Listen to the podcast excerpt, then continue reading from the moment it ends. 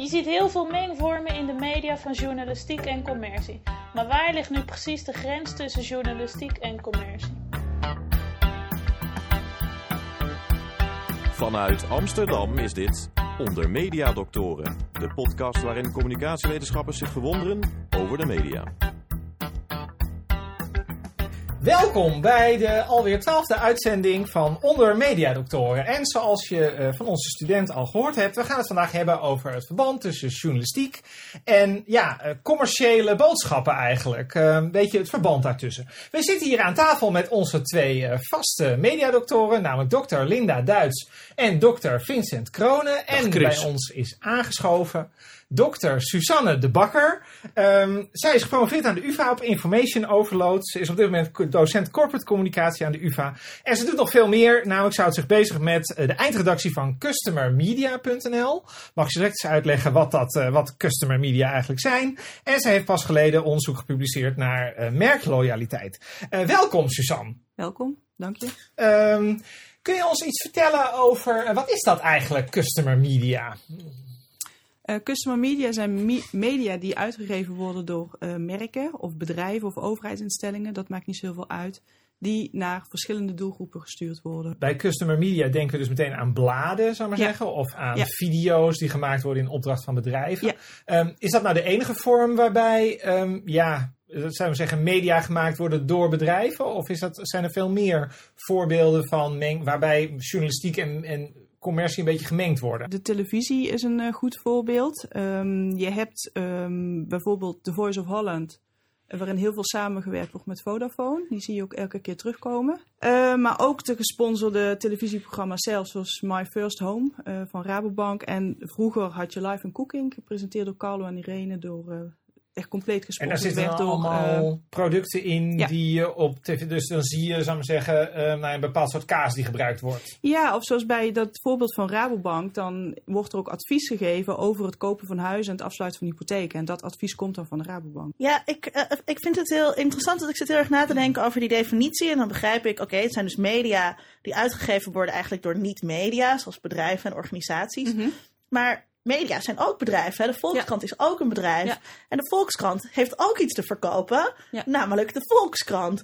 Dus um, wat, wat, wat maakt nou het verschil tussen de Volkskrant, hè, zeg maar, als op een, op, mm -hmm. op een wetenschappelijke definitie manier, het verschil tussen, een, tussen de Volkskrant die zichzelf verkoopt en de Rabobank die zichzelf nou, verkoopt? Het, het verschil ligt in het primaire proces van de organisatie. Het nieuwsvoorziening is het primaire product of de primaire dienst van de Volkskrant. En bij de Rabobank is dat niet zo. Daar hebben ze uh, ja, bankproducten, spaarproducten, hypothe hypotheken. Dat is hun primaire dienst die ze aanbieden. En ze willen dat aan de man brengen met behulp van uh, ja, informatie of uh, sponsored media, hoe je het ook wil noemen. Susanne, zijn er uh, wettelijke beperkingen aan het kunnen plaatsen van jouw merkboodschap? Of dat op een wat verdektere manier doen? Op de... uh, je bent verplicht om het uh, te noemen als je het op de televisie doet. Uh, bij 24 Kitchen, die worden, daar heb je um, sinds kort, ik weet niet precies vanaf wanneer dat is, is Jumbo een sponsor. En dan zie je... Um, hoe heet die kok? Uh... Rudolf. Ja, Rudolf. Die zie je dan koken. En dan staat ook van tevoren uh, dat, er, uh, dat er een vorm van uh, reclame in is. Dat staat in een of ander logootje links of rechts onder in de hoek.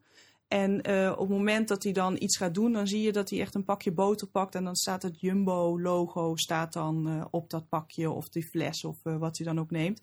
Want ik heb bijvoorbeeld Carlo en Irene, mm -hmm. dat soort programma's. Ja heb ik wel eens begrepen dat zelfs het decor en de kleurstelling van het decor dan ja. in onderhandeling met, ja. in dit geval een van de drinkyoghurtmerk, waar wij mm -hmm. de naam niet van zullen noemen, uh, in overleg daarmee is. Hoe, hoe kan je dan nog aangeven van dit is gekocht door een bedrijf en dit is eigenlijk het programma. Zoals je in een krant het onderscheid hebt tussen een reclame mm -hmm. of ingezonde mededeling. Dat vind ik dan ook mm -hmm. een mooi eufemisme. Ja, of editorial staat erbij. Ja, ja hoe, hoe maak je dat onderscheid dan? Dat weet je denk ik niet.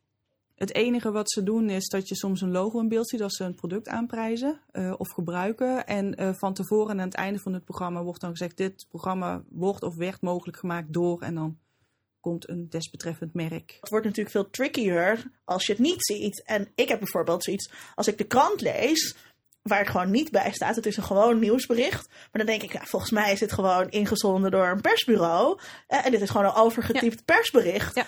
Ehm, dat vind ik eigenlijk veel enger dat dan dat Jumbo-verhaal op televisie. En volgens mij is die Jumbo veel beter gereguleerd op wat je op televisie ziet, mhm. dan wat er in die kant gebeurt. Ja, dat klopt. Linda heeft een item voor ons gemaakt over hoe je customer media maakt. En daar gaan we nu naar luisteren. Welkom bij Koken met Mediadoktoren. Vandaag maken we customer media. We hebben gekozen voor een eenvoudige vorm, het bedrijfsblad. Voor we beginnen moet je even nadenken wat je met dit gerecht wilt bereiken. Wil je informeren, motiveren of gedrag veranderen?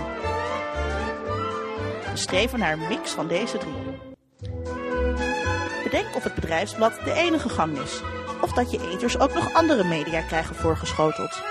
Afhankelijk van die andere communicatiemiddelen pas je de sterkte aan.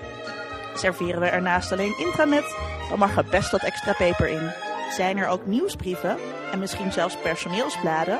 Zorg dan dat je bedrijfsblad de smaken daarvan aanvult.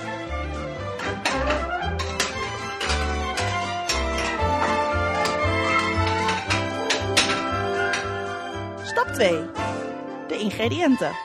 Wat hebben we nodig? Een doelstelling. Een aantal analyses. We gebruiken vandaag een analyse van de organisatie, een van de doelgroep en van de communicatiemiddelen. Interviews, reportages, achtergrondverhalen en tot slot invalshoeken. Let op, veel beginners gebruiken kant-en-klare onderwerpen. Voor de juiste smaak is het beter met invalshoeken te werken.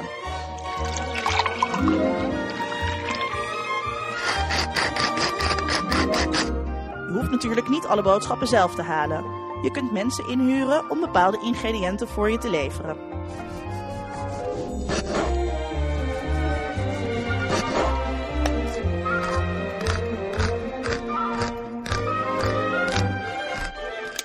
Stap 3. Gebruik de analyses om de bladpijlers te maken. Vaste rubrieken vormen de basis van ons gerecht. Meng de interviews met reportages en achtergrondverhalen. Naar smaak breng je een goede verhouding aan tussen informatie en human interest. Het mag best een beetje luchtig zijn.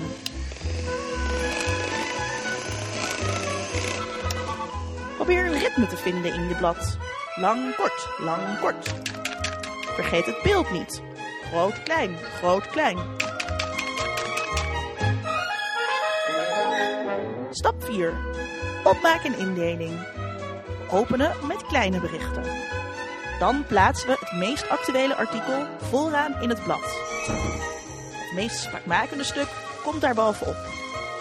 Vermijd doorleesverhalen en vergeet vooral het achterste deel van het blad niet. Onthoud, een goede kok gaat op zijn gevoel af, maar vergeet nooit voor wie hij kookt.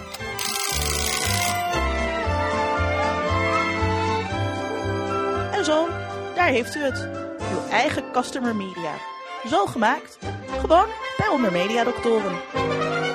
Linda heeft dus een uh, bedrijfsblad gemaakt aan de hand van een stappenplan um, om customer media te maken. Wat viel je op toen je, dat, uh, toen je daarmee bezig was, Linda? Ja, ik moet even hier Suzanne bedanken, want ik heb uh, het stappenplan van haar gekregen. En het komt uit een vak hoe je customer media maakt. En wat me opviel was dat er heel weinig ging over hoe je specifiek branded content maakt. Dus ja, zo maak je natuurlijk een blad. Hè? Je stopt de gewichtige onderwerpen uh, niet helemaal aan het einde. Dus dat, ja, hè, zo maak je media. Dus Suzanne, misschien kan je iets vertellen over um, wat, hoe je dan specifiek zorgt dat je merk goed uit de markt goed voor het voetlicht komt. Uh, dan, moet je heel goed, dan moet je heel goed weten wie je doelgroep is en wat de doelgroep beweegt. Want zo'n medium is dus geen product verkopen, want dat is reclame, dat is toch echt iets anders. Um, dus je moet heel goed weten wie is mijn doelgroep, wat wil mijn doelgroep, wat vinden zij belangrijk in het dagelijks leven. Kan ik ergens op aansluiten? Um, en dat doet een gewoon publiekstijdschrift in wezen ook. Ik bedoel, de Linda is echt iets heel anders dan de Libelle of de Margriet of uh, de mannenbladen die er zijn. Um, en, maar dat moet in die zin wel weer wat te maken hebben, de inhoud, uh, met waar jij als merk voor staat. En vaak uh, proberen merken een, een soort lifestyle-achtig iets uh, te vinden. Maar als ik nou even de vergelijking ja? maak met, um, nou ja, je, je noemde de libellen. Um, de libelle heeft een soort imago, wil een mm -hmm. soort merk neerzetten. Dat wil de allerhande met al, Albert ja. Heijn wil dat met, met de allerhande ook. Um, daar zit dan een soort merkfilosofie achter. Mm -hmm. Maar is er dan eigenlijk, is het dan niet gewoon zo dat die customer media of die branded content, dat het eigenlijk precies hetzelfde gemaakt wordt op het moment dat die filosofie er dan is? Ja. En uh, kijk, misschien is Libelle niet eens het hele goede voorbeeld. Want Libelle is een merk op zichzelf geworden. En het is ook een crossmediaal merk. Ze hebben van alles en nog wat. Ze hebben een website. Uh, ze hebben het blad zelf. Ze hebben de Libelle zomerweek. Uh, waar al die vrouwen op afkomen. Um, dus dat is al een crossmediaal iets geworden. Dus dat blad staat niet op zichzelf. En in die zin kun je het ook vergelijken met de Allerhande van Albert Heijn. Um, wat ook een crossmediaal uh, geheel is geworden. He, je hebt de papieren allerhande die je in de winkel meeneemt. Uh, je hebt de appie, dus de app die je op je iPhone kan installeren, waar je je boodschappenlijstje op kan uh, zetten. En die, die app die wijst je dan ook de weg hoe je moet lopen door jouw eigen Albert Heijn. En je hebt de website van de Allerhande, wat weer een andere website is dan de website van de Albert Heijn of van Ahold. Mm -hmm. En dat sluit allemaal op elkaar aan. Mm -hmm. Maar dan als hij dan zegt van nou ja, het is allebei vanuit een, vanuit een bepaalde visie gemaakt, ja. zou ik het maar even noemen. Um, in hoeverre bij de libellen weten we allemaal wel van dat is een soort journalistiek product. Ja. Is de allerhande ook een journalistiek product? Um, nou, de doelstellingen zijn heel anders. Kijk, de libelle is de libelle en die uh, moet alleen libelles verkopen. Volgens mij is dat niet waar. Volgens mij moeten libellen niet alleen libelles verkopen. De libellen moeten ook advertenties binnenhalen. Ja, dat klopt. Dat, maar dat is, toch, dat is toch iets heel anders. En dan ga je al veel bedrijfsmatiger denken. Wat ik altijd heel irritant vind bij journalisten. Nou, ja. Die vinden zichzelf al een soort hè, moreel ver, mm -hmm. verheven boven de rest van die mensen. Maar die moeten uiteindelijk ook gewoon die krant verkopen. En de krant verkopen betekent niet alleen zorgen dat mensen naar de winkel gaan om die krant te kopen. Maar ook dat er mensen in willen adverteren. Ja. Ja, het belangrijkste gedeelte zelfs uh, komt bij heel veel tijdschriften uit de advertenties en helemaal niet uit de nou, abonnementen. Uh. En daarin in tijdschriften zit ontzettend veel branded content. Um, een, een student van mij heeft daar twee, jaar geleden, twee of drie jaar geleden onderzoek naar gedaan. Want je hebt dan de zogenaamde advertorials of de themarubrieken. Hè, waarin een uh, bekende Nederlander in zijn themarubriek aangeven welke beautyproducten gebruikt. Met fotootjes erbij en prijzen waar je kan kopen. Um, dat komt natuurlijk heel veel voor. Dat is ook een vorm van reclame waar ze ook betaald voor krijgen. Maar het gaat eigenlijk nog verder. En dat, is, uh, uh, uh, dat kwam naar voren dat er een aantal interviews zijn waarin het product dus niet meer centraal staat, maar bijvoorbeeld de maker van een bepaald parfum. En die vertelt dan niet alleen over de parfum, maar meer over zijn werk en allemaal van dat soort zaken. met, maar er staat natuurlijk dan wel een foto bij van dat parfum. En daar staat het niet eens meer bij dat het wel of geen uh, reclame is. Terwijl dat wel een verkapte vorm van reclame is. Ik zit te denken aan die modebladen of glamourbladen. Waarin dat onderscheid tussen reclame en, en editorials nog veel kleiner is. Omdat ik denk ook dat veel lezers die bladen kopen. Omdat ze ook de mooie reclames willen zien. En dat beginnende glamourbladen ook heel goedkoop mooie merken in hun blad willen hebben. Is dat een voorbeeld waarin eigenlijk journalistiek en marketing volledig in elkaar overvloeien? Ja, alleen zullen ze het zelf nooit toegeven. Vrees ik. En waarom, zullen, waarom geven ze dat niet ja, toe? omdat dat, ze dan het idee hebben dat ze niet meer vrij en onafhankelijk kunnen schrijven. Op het moment dat ze betaald worden, uh, dan lijkt het alsof je een positief oordeel moet geven. En dat je dus niet meer kritisch kan en naar kan kijken. Maar is die onafhankelijkheid, doen jullie daar ook onderzoek naar? Of dit soort uh, uitgaves onafhankelijk kunnen functioneren? Het enige onderzoek wat er is, uh, de, de, vermenging van redactie en commercie, is op het gebied van uh, de krantenjournalistiek. En dan vooral om aan te geven hoeveel procent van de berichtgeving in de krant dus van persberichten komt. En hoeveel is dat? Nou, dat verschilt. Uh, in buitenlandse onderzoek, zoals Australië of Engeland, is het geloof ik rond de 50 of 60 procent. Uh, de onderzoeken die in Nederland gedaan zijn, die, die uh, laten een wat, beeld zien wat minder vaak naar voren komt. Maar moet ik dan denken aan 40 of ja, aan 30? volgens mij 30 procent of zo. En een student van mij heeft onlangs onderzoek hiernaar gedaan om te kijken, zij werkte bij een PR-bureau, welke PR-berichten of persberichten uiteindelijk ook in de kranten terecht is gekomen. Dat was 30% We gaan naar het interview. En dat interview is deze week van, of deze keer van Vincent. Vincent, met wie heb je gepraat? Ik heb uh, gesproken met uh, Pim Mak van Pim Mak Videoproducties. En Pim is een opdrachtnemer van uh, FC Utrecht TV te maken. Ik ben Pim Mak. Ik heb mijn eigen mediaproductiebedrijf, Pimmak Media Producties. Um, ik word ingehuurd door RTV Utrecht. Dat is de, ja, de producent van FC Utrecht TV. Een programma op Eredivisie Live van een kwartier. En ik ben samen met een collega Maarten van Os verantwoordelijk voor um, dat programma.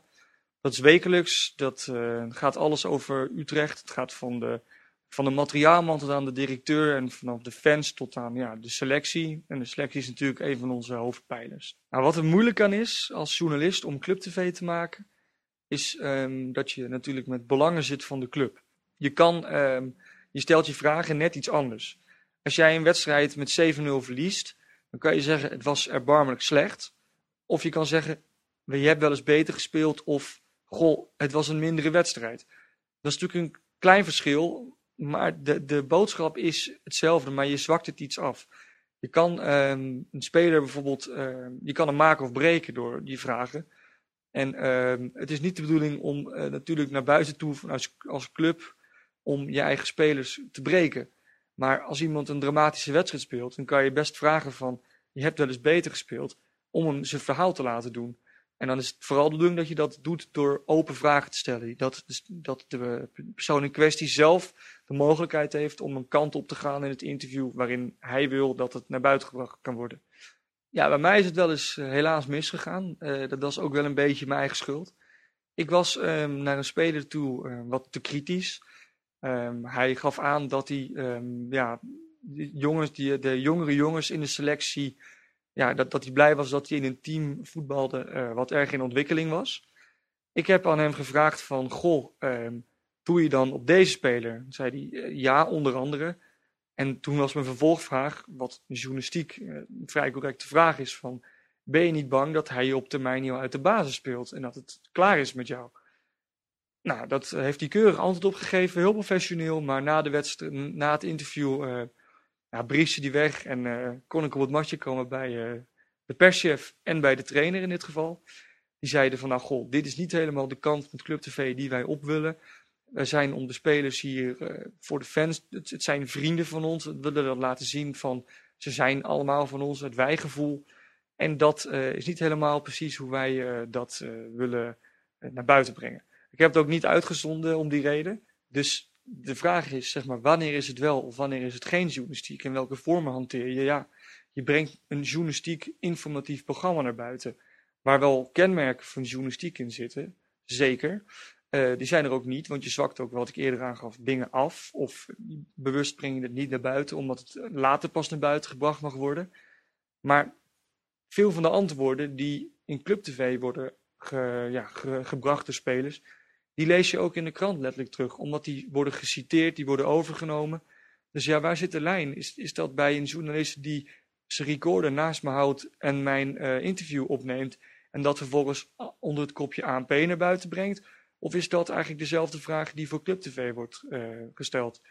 Als ik de keuze heb tussen een, uh, ja, een kleine, een, een, een, onafhankelijke journalist voor een kleine omroep of een hele grote voor een club, zou ik lang over na moeten denken. Uh, ik denk toch uiteindelijk dat bij een club heb je meer het gevoel dat je erbij hoort, dat je echt met collega's werkt, dat de, de selectie jouw collega's zijn. Onafhankelijk heb je dat niet, maar dat geeft je wel het recht om af en toe ook eens wat dieper de cirkelzaag erin te zetten. En ja, persoonlijk ben ik, ik, ben een redelijk cynisch persoon. Ik kan, dat wel, ik kan daar wel van genieten ergens. Dus dat is lastig, maar ik zou dan toch voor uh, de onafhankelijke gaan bij een kleine omroep. Vincent, wat is je opgevallen um, aan dit interview? Nou, Pim is een student van mij en hij doet dit ernaast en daar is hij heel goed in. En er zijn mij twee dingen opgevallen. Ten eerste, ik ging eigenlijk vrij kritisch dat gesprek in, want eigenlijk vond ik dat hij, uh, nou ja, met één hand op de rug uh, zijn werk moest doen en dat hij geen kritisch journalist kon zijn. Maar in het gesprek werd me ook wel duidelijk dat hij ja, het onderscheid tussen kritische journalistiek en, en inderdaad die ANP-reporter die inderdaad zijn interviewtjes uh, van hem jat, dat dat een hele dunne scheidlijn is. En wat ik ook heel erg interessant vond, is dat hij mij vertelde, dat zat hier niet in. Kijk, als hij daar niet is bij FC Utrecht om dit programma te maken, dan is er uiteindelijk helemaal niemand. En dan is er helemaal geen hele lokale uh, sportjournalistiek van iemand die een paar weken eh, of een paar dagen in de week op de club staat, die een goed contact met de spelers heeft. En ja, dat wordt uiteindelijk betaald door de club en dat wordt mogelijk gemaakt uh, facilitair door RTV Utrecht. Daar schuren dingen, maar uiteindelijk denk ik dat die, als je de filmpjes kijkt die hij maakt, dat dat hele mooie journalistieke producten zijn. Um, ik weet niet zo heel veel van sportjournalistiek, maar uh, ik volg wel het een en ander bijvoorbeeld rondom de dopingschandalen.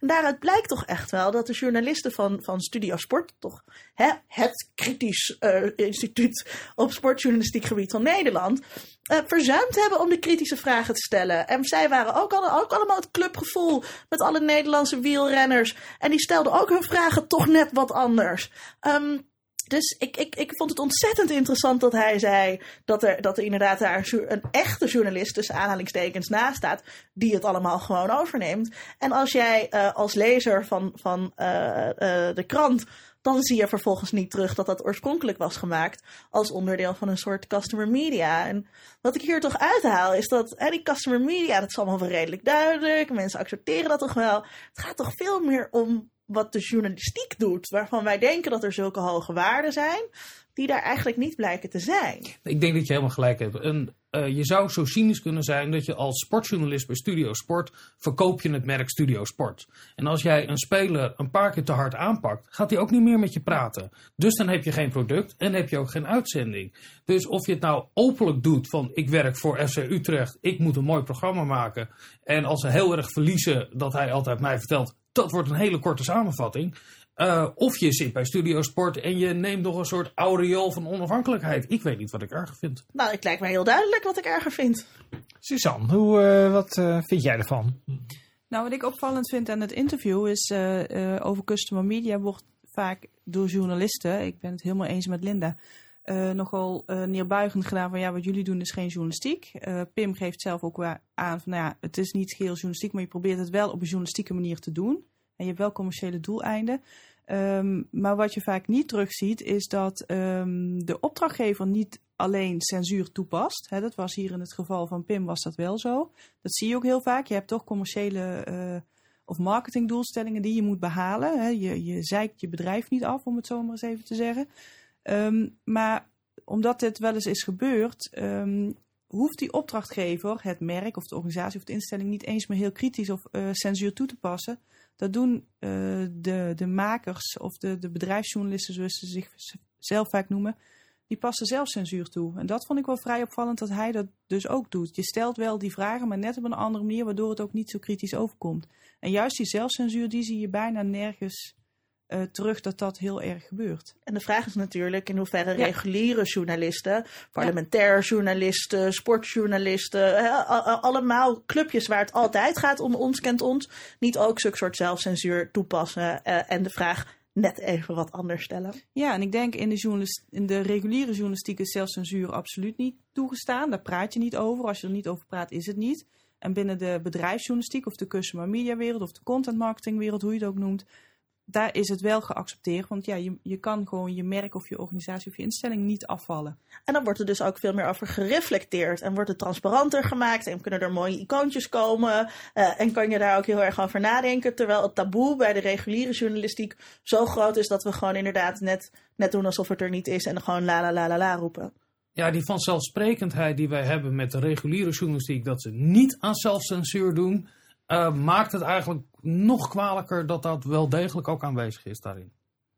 We zijn aan het einde gekomen van deze aflevering van Onder Mediadoktoren en dan beantwoorden wij altijd de vraag. En de vraag was, er zijn steeds meer mengvormen, of er lijken in ieder geval steeds meer mengvormen te komen van journalistieke media en commerciële media. Uh, waar ligt de grens tussen die twee? Um, Vincent? Nou, ik denk waar we achter zijn gekomen dat die grens buitengewoon uh, troebel is. En dat mijn eerste veronderstelling dat we, we hebben de moreel zuivere journalistiek en dan hebben we die troebele uh, journalistiek van het grootkapitaal. Dat we dat niet zo één op één uh, kunnen stellen. Um, ik denk dat dat onderscheid zit hem veel meer in een beroepsethiek dan dat het af te meten is aan de producten die daaruit voortkomen. Ja, ik denk dat er ontzettend veel verhuld kapitalisme is in de journalistiek. En het probleem ligt niet bij, het openlijke, uh, bij de openlijke kapitalisten. Hè, dus het probleem zit echt niet bij de allerhande of dat blaadje van het Zilveren Kruis. En ook niet bij Life in Cooking. Uh, en ook niet bij dat programma waarbij ze heel graag willen dat je in het MBO gaat leren. het probleem zit toch echt bij de kapitalisten waarvan die net doen alsof zij niet de kapitalisten zijn. De reguliere journalistiek. Het laatste woord is aan Suzanne. Um, ik ben het eigenlijk eens met Linda. En uh, waar ligt de grens tussen journalistiek en commercie? Die is niet altijd even duidelijk. En op het moment dat die duidelijk is, in, uh, hè, als er een icoontje is of je weet dat het bepaalde medium gesponsord wordt of betaald wordt door iemand, dan is het niet zo erg. Dit was de twaalfde aflevering van Onder Mediadoktoren. Wil je meer informatie? Ga dan naar www.ondermediadoktoren.nl. Tot de volgende keer. Onder Mediadoktoren is een podcast van Chris Alberts, Vincent Kronen en Linda Duits. Meer informatie vindt u op ondermediadoktoren.nl.